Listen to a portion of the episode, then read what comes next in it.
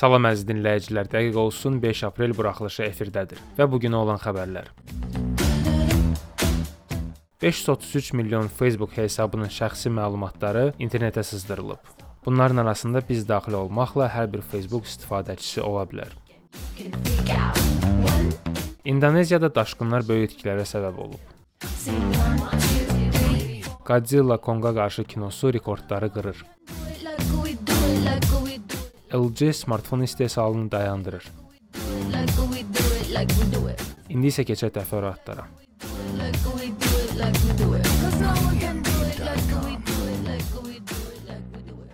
533 milyon Facebook hesabının şəxsi məlumatları internetə sızdırılıb. Bunların arasında biz daxil olmaqla hər bir Facebook istifadəçisi ola bilər.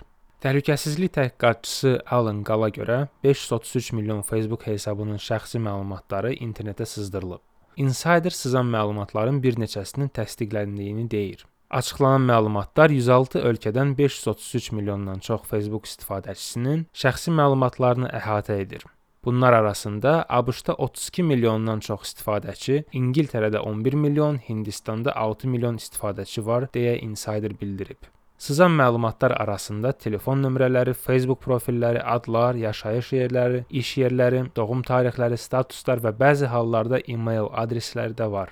Qal ilk dəfə sızan məlumatları yanvar ayında aşkar etmişdi. Bir hack saytında bir nəfər 100 milyonlarla Facebook istifadəçisinin pul müqabilində telefon nömrələri təmin edə bilən avtomatlaşdırılmış botu reklam etmişdi. Motherboard həmin botun mövcud olduğunu və məlumatların real olduğunu təsdiqləmişdi. İndi bütün verilənlər bazası hacking forumunda pulsuz olaraq yerləşdirilib və məlumatlar ilkin kodlaşdırma biliklərinə sahib olan hər kəs üçün əlçatandır. Facebook yanvar ayında Insider-a bu problemin 2019-cu ildə kodlaşdırmadakı bir zəiflik ucbatından ortaya çıxdığını demişdi. Şirkət Motherboard-a oxşar cavab vermişdi. Bu 2019-da bildirilən köhnə məlumatlardır. Bu problemin səbəbini 2019-cu ilin avqust ayında tapıb düzəltmişik. Qəl məlumatlar artıq internetdə mövcud olduğu üçün Facebookun bu haqqda nəsə edə bilməyəcəyini, lakin istifadəçilərə bu barədə xəbər verməli olduğunu da bildirib. Hələ ki Facebookdan rəsmi bir cavab yoxdur. İndoneziyada daşqınlar böyük itkilərə səbəb olub. Bazar günü İndoneziya və Şərqi Timorda baş verən sel və daşqınlardan sonra ən azı 71 nəfər ölüb. Şiddətli yağış Cənub-Şərqi Asiyadakı qonşularda geniş dağıntılara səbəb olub. Daşan bəndlərdən gələn su minlərlə evi dağıdıb. Təsirə məruz qalan ərazi İndoneziyanın şərqindəki Flores adasından Şərqi Timora qədər uzanır.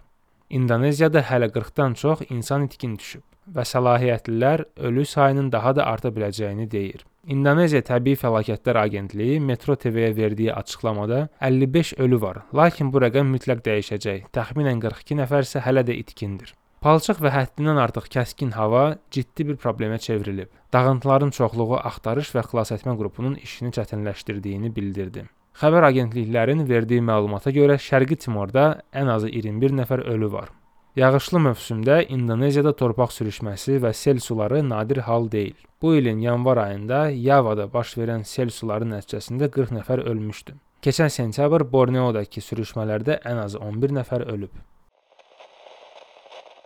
Godzilla Konga qarşı kinosu rekordları qırır.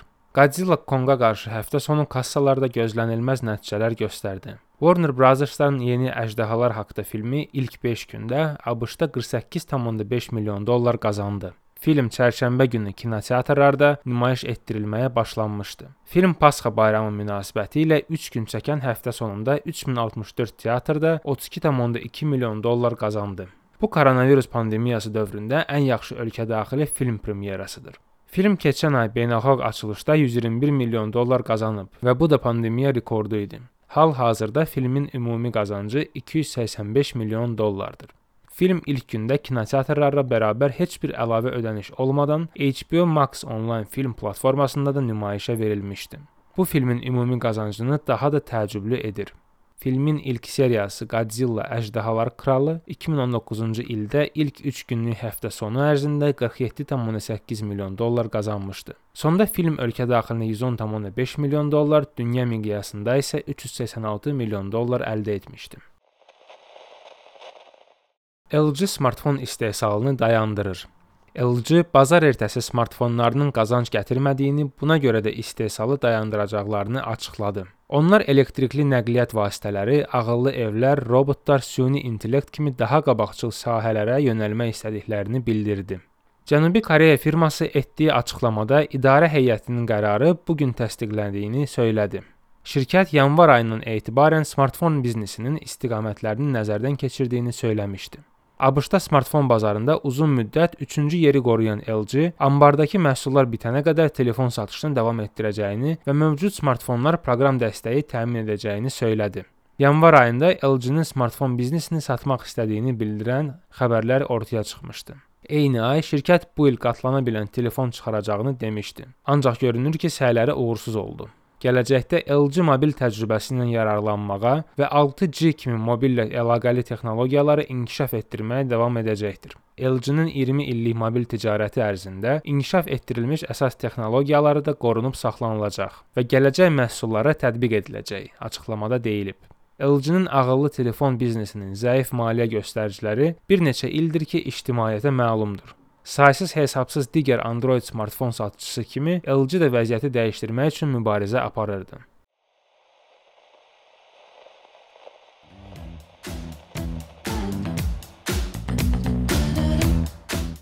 Əziz dinləyicilər, bu günlük bu qədər. Növbəti buraxılışda görüşmək ümidi ilə.